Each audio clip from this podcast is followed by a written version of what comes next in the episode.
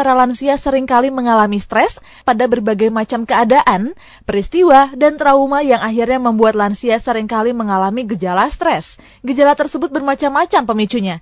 Namun, pemicu stres atau stresor banyak dikaitkan dengan kondisi psikologis dan kesejahteraan seseorang. Hal tersebut karena stresor merupakan permasalahan kesehatan yang berdampak buruk bagi kesehatan fisik maupun mental seseorang, terutama orang tua. Kita akan berbincang langsung dengan narasumber kami yang sudah terhubung di line telepon mengenai mengelola stres bagi orang tua di tengah pandemi, Anda bisa kirimkan pertanyaan Anda ke WhatsApp kami di 0811 2102 948 atau di Twitter dan Instagram kami di @fitradio_bandung. Dan sudah tersambung di line telepon bersama Ibu Lilis Komaria MPSI sebagai psikolog keluarga dan SDM dan juga pendiri Anak Langit School. Halo Ibu Lilis. Halo Tini. Halo. Alhamdulillah baik. Bu Lilis bagaimana kabarnya? Alhamdulillah. Terima kasih sudah menyempatkan waktunya untuk berbagi informasi di Fit Radio Bandung ya. Kita masih pandemi ya. Jadi tahun ini sepertinya 10 bulannya habis dengan pandemi nih Bu ya. Setelah beberapa lama berjalan pandemi COVID-19, menurut Ibu apakah beberapa orang masih bisa mengalami stres dalam menjalani kegiatan sehari-harinya? Ya, sih sebetulnya stres sendiri populer sudah populer di abad 17 mm-hmm. yang sering disebut dengan istilah keras. Kemudian populer lagi di abad 18 yang sering disebut dengan tekanan. Nah, penyebab stres itu pencetusnya ada dua, ada internal, ada eksternal. Nah, sekarang COVID ini secara eksternal ya, di mana kita ada tekanan, tekanan misalnya untuk yang pekerja harus bekerja di rumah, kemudian e, bareng sama anaknya yang sedang belajar dari juga, kemudian ada banyak pembisnis juga yang terdampak, kemudian ada karyawan yang dirumahkan. Pasti ini e, banyak yang banyak lagi yang mengalami stres ya. Karena nanti sudah stres itu kan frustasi, ada frustasi, kemudian ada konflik gitu, ada selain konflik juga ada tekanan, ada ancaman. Nah, sekarang kan uh, frustasinya di mana misalnya dirumahkan atau misalnya harus bekerja di rumah saja kemudian anak rengek mau didampingi juga belajar. Itu kan akhirnya mumet ya. Ada tekanan di anak kemudian eh, tekanan juga di target-target uh, pekerjaan. Itu pastilah lebih lebih banyak. Dan emang uh, ke depannya pasti orang lebih banyak lagi mengalami stres Hmm. Itu Tadi sudah Ibu sampaikan juga nih sedikit singgung. Ini kerja di rumah, belum juga anak yang pengen ditemenin terus. Tambahkan anak-anak juga sekarang school from home ya Bu ya. Jadi orang tua ya. harus mendampingi anaknya sekolah juga. Ini bisa menjadi dampak stres untuk orang tua tidak Bu? Pasti, kan itu tekanan. Di mana orang tua merasa bahwa ada kerjaan lagi selain di tempat kerja gitu ya kemudian eh, pemahaman tentang PJJ untuk anak itu orang tua yang ngajarin gitu. Kan tambah kerjaan lagi gitu. Mm. tambah tuntutan lagi gitu ya. Belum anaknya misalnya mengancam untuk ya udahlah kalau misalnya ancaman-ancaman misalnya aku tuh gak suka dengan offline biasanya offline ah tambah itu tambah iya. menjadi tekanan pastinya gitu. Jadi memang bisa menjadi faktor penyebab stres juga ya untuk orang tua ternyata school from home ini. Betul. Ya jadi apa pun teh itu bisa menyebabkan uh, stresor itu kan tadi uh, sumbernya ada dari internal dari eksternal ya. Dari eksternal tadi fenomena-fenomena yang terjadi kemudian dari diri juga misalnya punya pilihan nih. Ini yang mau menikah nih misalnya ada dua calon bingung memilih gitu ya. Si A si B. Nah ini kan konflik ya. Nah ini juga bisa jadi stres juga. Dan stres itu kan ada dua, ada stres, ada stres dalam artian, ada stres yang positif, ada yang stres negatif stres positif itu misalnya ketika uh, orang yang mau menikah kan belum punya pengalaman, mm-hmm. pasti dia kan ada tekanan nih gimana nih? Gitu, ada kecemasan nanti saya bisa nggak nanti berumah tangga, nah itu pasti stres, tapi stresnya stres yang positif dalam artian stres sudah jelas ke arah positif, terus ada juga stres yang negatif biasanya kalau stres negatif nanti ada konsekuensinya misalnya ke masalah emosi atau mungkin kalau dibiarkan bisa jadi ke arah gangguan juga kalau dibiarkan biarkan terus. Baik, jadi memang banyak sekali ya faktor-faktor penyebabnya. Berarti selain school from home, terus juga work from home, ditambah anak yang rewel, ini menurut Ibu ada lagi tidak sih penyebab dari stres pada orang tua? Ya, tadi sih kan kalau kita lihat menurut Garus, saya sendiri ada sumbernya. Sumbernya itu kan empat tadi. Frustasi. Frustasi itu apa? Ketika kita mengalami kegagalan atau hambatan dalam mencapai tujuan, akhirnya kan kita frustasi. Misalnya kita sudah sudah e, mencanangkan misalnya nilai kita 9, kenyataan nilainya 5 misalnya. Itu kan jadi gagal ya, frustasi. Itu sumber stres. Nah, ketika terjadi frustasi, tubuh kita, jiwa dan raga itu homeostatis menyeimbangkan nih gitu ya. Akhirnya terjadilah stres. Kemudian yang kedua, sumber stres itu konflik. Konflik ini tadi ada keharusan memilih dalam dua dorongan yang berlawanan atau pada saat bersamaan. Tadi misalnya milih yang mana ya. Kalau ketika kita beli barang aja itu ada stresornya. Misalnya beli sepatu warna coklat atau biru ya, warna coklat atau biru. Nah itu bisa jadi stres kan gitu ya. Itu yang kedua. Kemudian yang ketiga sumber stres itu tekanan. Nah tekanan ini tadi ada internal atau eksternal. Seperti terjadi sekarang kan COVID. Tekanannya misalnya orang-orang harus tinggal amannya di rumah. Nah lama-lama di rumah juga kan jadi bosen juga gitu ya. Secara internal mungkin uh, dikeluar ada orang yang dikeluarkan dari pekerjaannya di rumah Nah itu jadi tekanan juga. Kemudian yang stres yang keempat itu ancaman. Ancaman itu antisipasi terhadap hal yang merugikan atau tidak menyenangkan. Ancaman misalnya ketika kita ketemu ular, nah ini orang kalau ketemu ular misalnya ada yang bilang, Bu saya fobia ular, saya fobia harimau, itu bukan fobia, kan emang takut yang realistis gitu. Jadi ketika ada ular, ada ancaman, tidak menyenangkan, bahkan ada ketakutan gitu. Nah ketika ada ancaman-ancaman biasanya akan terjadi stres. Nah nanti ketika muncul stres, ada reaksinya bagaimana gitu. Secara kognitif misalnya secara kognitif biasanya kalau orang stres itu tidak bisa konsentrasi bolak-balik bolak-balik ke sana. Jadi cari apa? Nggak tahu ya gitu. Atau lupa barang gitu. Itu secara kognitif. Secara fisiologis misalnya stres itu nanti ke jantung berdebar ke sesak napas. Ada beberapa pembicara kalau misalnya mau tampil itu pasti bolak-balik ke WC. Nah itu dia lagi stres ya. Kemudian migrain bisa jadi, terus daya tubuh menurun, jangan bisa itu di fisiologi. Nah kalau di emosional biasanya cemas, tapi panik attack, eh, panik depresi, marah, Nah ini di perilaku yang paling gampangnya contohnya itu orang kalau lagi tertekan itu nggak bisa makan sampai kurus badannya atau kebalikan lagi stres itu tidak sadar jadi tangan yang ngambil makanan itu dia tidak sadar gitu. Nah makanya kita harus membeli reaksi stres kita. Misalnya kayak saya nih, reaksi stres saya kalau saya ada tekanan, misalnya tekanan tuntutan pekerjaan ya gitu atau yang lain di perilaku saya lebih cenderung banyak makan gitu. Impulsif ngambil makan makanya saya harus gimana caranya biar makan itu terkontrol. Jadi kalau lagi kerjaan menumpuk biasanya saya menghindar dari makanan.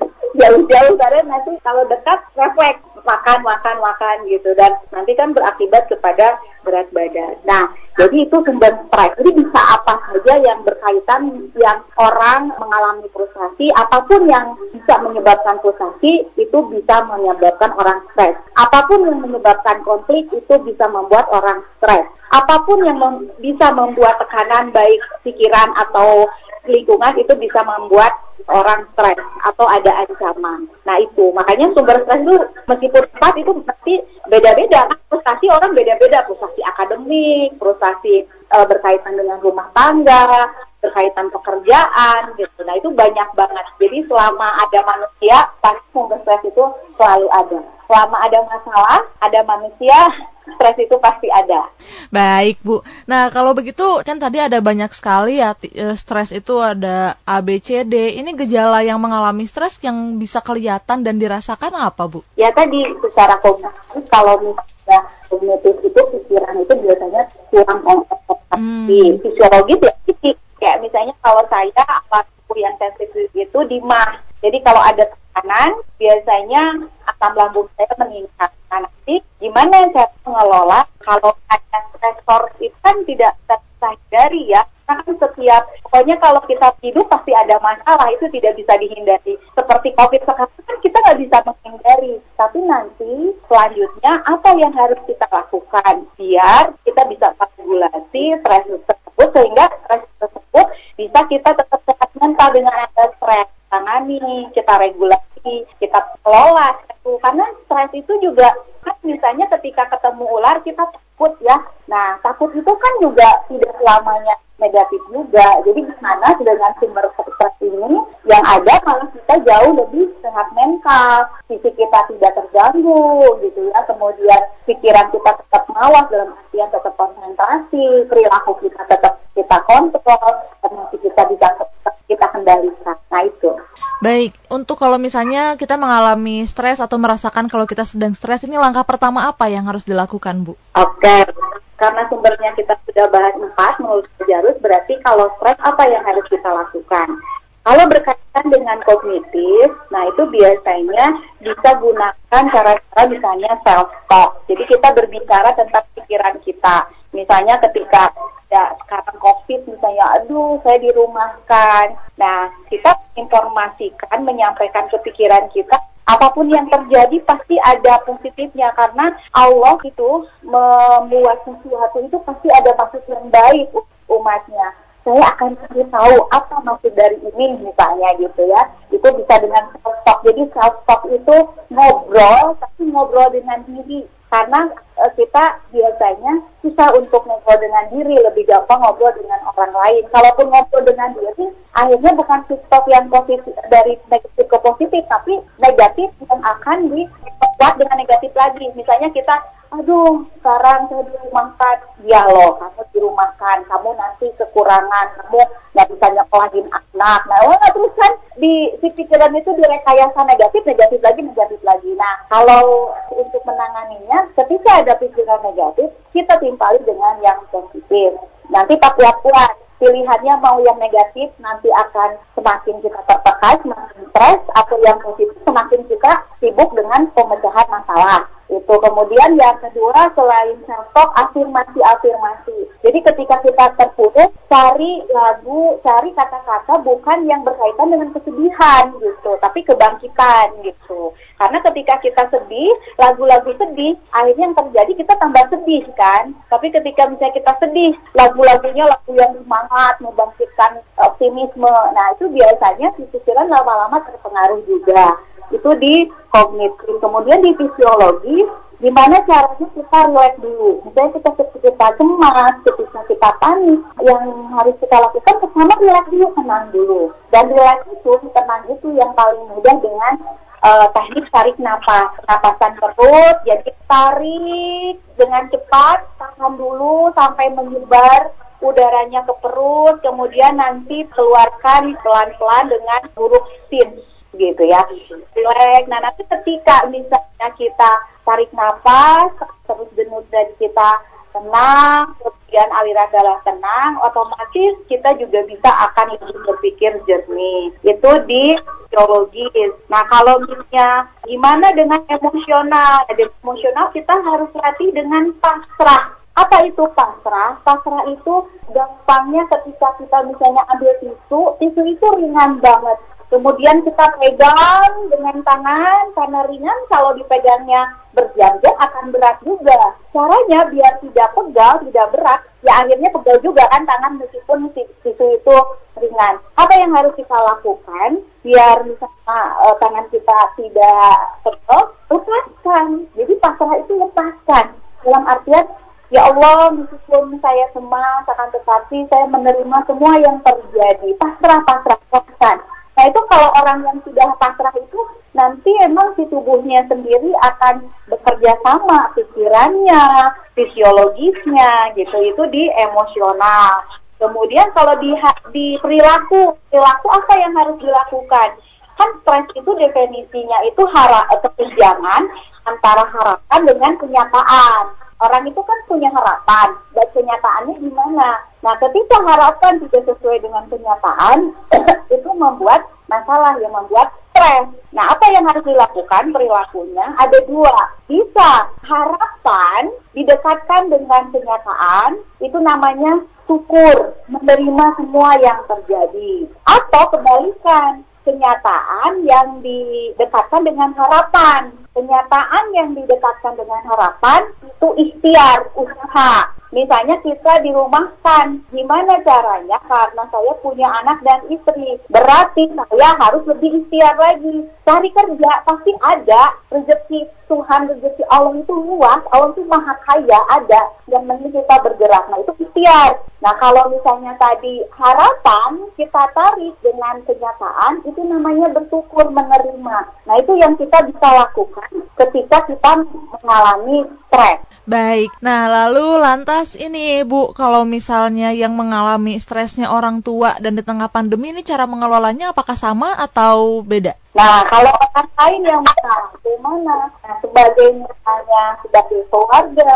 sebagai teman, sebagai kakak, sebagai adik gitu ya. Apa nih yang harus dilakukan ya? Harus dilakukan adalah kitanya tetap tenang, kemudian tidak menyalahkan dia, mendengarkan, dia misalnya dia boleh bercerita ke kita, kita mendengarkan, gitu ya, kitanya tenang, kemudian bantu untuk relaksasi, seperti misalnya kalau saya di tempat umum ada orang yang panik gitu ya, kayak misalnya di rumah sakit nih, uh, saya waktu itu men, uh, menunggu kakak iparnya mau dioperasi, kebayang loh kan orang pasti gimana, terus ada keluarga yang kelihatan panik bolak balik bolak balik saya waktu itu yang saya lakukan adalah saya duduk kemudian saya tarik nafas dengan terdengar oleh beliau. Tuh gitu.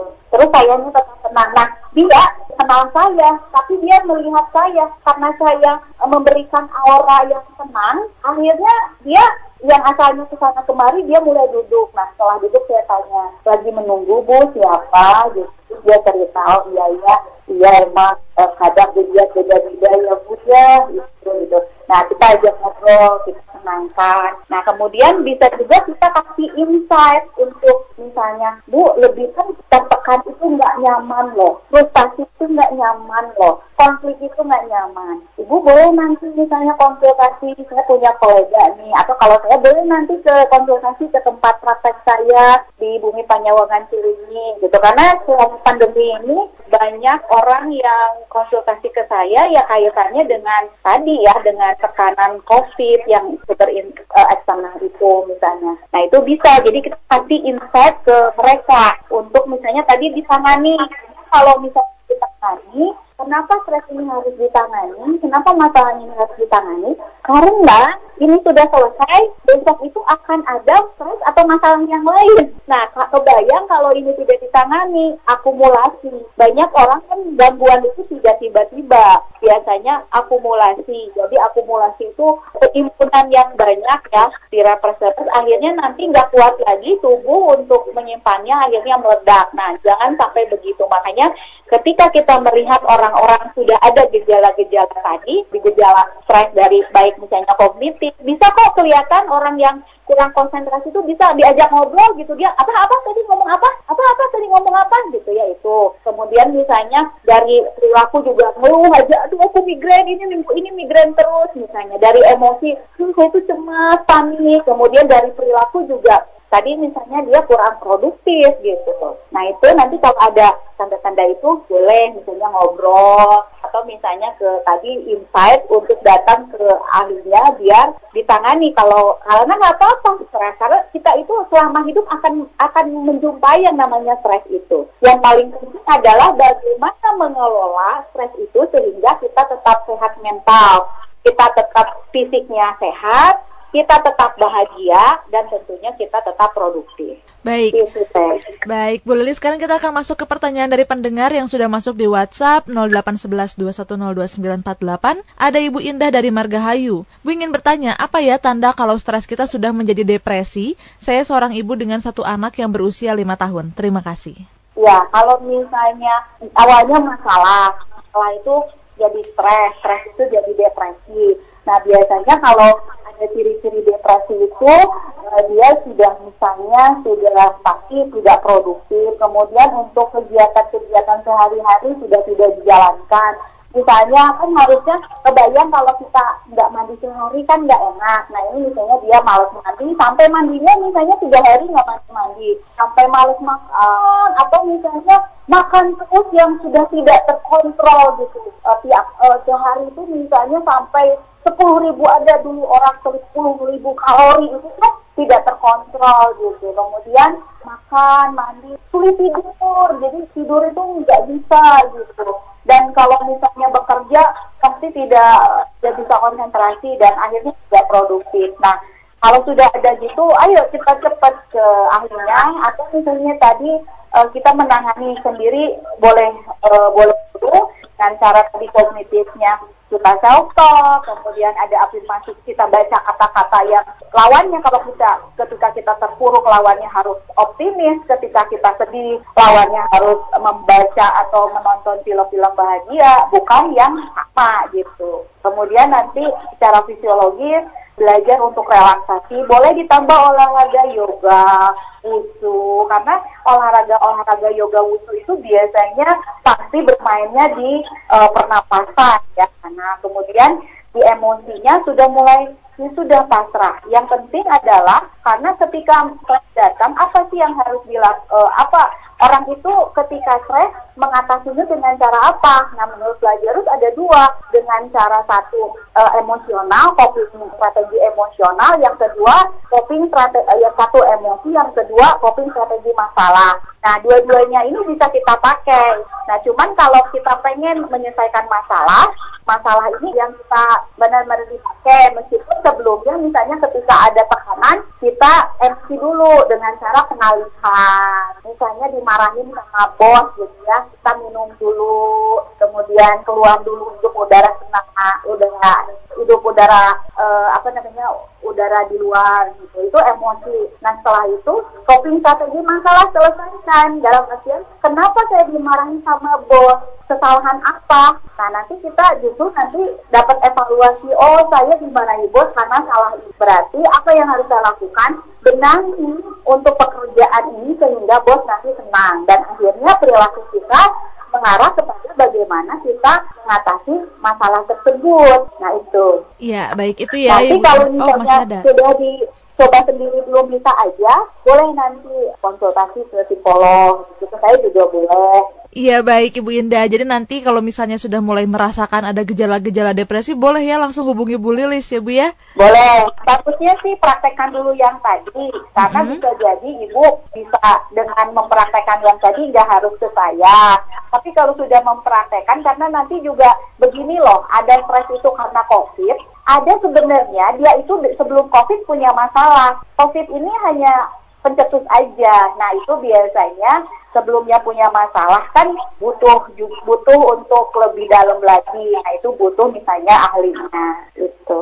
Baik itu dia ya Ibu Indah sudah terjawab. Pertanyaan selanjutnya ada Ibu Yusti di Antapani. Bu kegiatan positif apa yang bisa dilakukan di rumah selama pandemi ini? Jujur sudah 8 bulan saya di rumah terus Bu. Kebetulan memang saya tidak bekerja hanya mengurus anak-anak saja. Terima kasih. Iya boring ya. Dulu dulu banyak kita ngeluh, aduh capek keluar aja macet dan sebagainya. Sekarang ketika di rumah aja, aduh bosan. Nah itulah memang manusia ya, kita manusia. Apa yang harus dilakukan? Nah tentunya gimana membuat di rumah itu lebih menarik lagi. Misalnya bisa kita kembangkan hobi-hobi kita. Sekarang saya lagi hobi untuk lihat YouTube untuk mencoba masakan-masakan. Tadi-tadi saya mau masak ayam mentega. Kemudian senang banget dari anak-anak apresiasi. Bud, bud enak banget. Ya, mau menu, menunya ini ya, bud ya. Saya bilang enggak, dia enggak ini. Uh, ini enak banget gitu. Bisa dengan kalau yang hobi masak, hobi masak. Kemudian kalau hobi beberes saatnya untuk beberes rumah gitu ya hobinya lukis, hobinya seni silahkan. Ada tetangga saya, bahkan dia COVID ini jadi produktif, dia emang masakannya enak ya. Kemudian saya bilang, Bu, ini tuh masakannya enak. Coba dong, Pak, buka apa sih? Terus dia bilang, ah, Riwo, Bu Lili punya anak kecil. Nah, ketika kondisi saat ini suaminya kerja di luar negeri agak Indonesia kan? Untuk mengisi waktunya dia jualan kayak nasi biryani dan itu enak banget gitu. Oh malah kan gitu. Jadi tentunya apa pun yang terjadi gitu ya bagaimana kita kreatif mungkin memikirkan justru dengan kondisi ini kita kita masih bisa bertahan dan paling bagus bukan bertahan hidup tapi justru lebih lebih produktif lagi lebih menghasilkan lagi gitu. Nanti kalau belum ada misalnya apa ya aku hobinya? Nah ini juga saatnya untuk merenung gitu kan. Kita juga harus punya hobi. Atau bisa konsultasi juga dengan saya. Bu sebenarnya talent saya apa sih? Saya pengen ngembangin nih. Saya sekarang kerja di rumah. Kemarin ada yang di rumah kan suami istri dua-duanya akhirnya punya ide. Bilang bu jualan aja jualan apa ya? Coba ibu punya apa. Akhirnya dia jualan untuk uh, sabun-sabun pembersih gitu. Nah itu jadi harus dibuat di rumah itu idenya banyak kok idenya silahkan. Bebas tidak terbatas ya gitu kayak misalnya teman saya lagi uh, apa namanya bekerja jarak jauh gitu ya dia ada sesuatu yang sudah dalam sudah lama tidak dipakai dia buat buat ini apa uh, buat lap-lap kecil terus dikasih kita untuk awalnya sih saya bilang ih keren banget ini rapi banget bagus loh ini dari barang bekas loh akhirnya dia tidak terasa ada di rumah gitu. Ayo kita bangkit bangkit silahkan barang bekas dari barang bekas sekarang ya dari barang bekas pun kita bisa berkreasi gitu ya. Yang penting adalah ada keinginan. Nah itu kita untuk kreasi-kreasi itu ada semua kita bisa lihat di online ya di Google, ya kita googling aja di YouTube gitu kita bisa uh, kayak saya juga masak-masak saya lihat aja jadi khusus masak di YouTube nah ayo kita bangkit sesuai dengan minat calon masing-masing Baik ya, itu dia Ibu Yusti jawaban dari Ibu Lilis. Ya, Ibu Lilis terakhir Bu, closing statement ya. untuk fit listeners. Ya, jadi Ayo semua kita bangkit, stres itu selama kita hidup masih ada. Yang penting adalah bagaimana kita menangani stres itu. Menangani stres itu bisa diawal dengan emosi, mengalihkan dulu. Dan setelah itu tetap harus menyelesaikan masalah. Sistematika masalahnya bagaimana, kemudian nanti goal dari penyelesaian masalah itu bagaimana. Kemudian kita yuk apa pun itu sumbernya frustasi ayo kita tangani tekanan konflik kita selesaikan ancaman kita selesaikan tentunya kita akan lebih produktif, kita tetap sehat mental, di mana uh, fisik kita sehat, kita tetap bahagia dan tentunya produktif dalam artian menghasilkan. Walau alam. Itu teh. Baik, Ibu Lilis terima kasih banyak. Sama-sama. Lanjut bekerja Bu setelah ini? Ya, lanjut. Baik, kalau begitu terima kasih banyak sekali lagi Bu Lilis. Semoga nanti kita masih bisa berbagi informasi lagi di lain kesempatan ya Bu ya. Iya, itu dia Ibu Lilis Komaria MPSI selaku psikolog keluarga dan SDM pendiri Anak Langit School yang telah berbagi informasi mengenai mengelola stres bagi orang tua di tengah pandemi.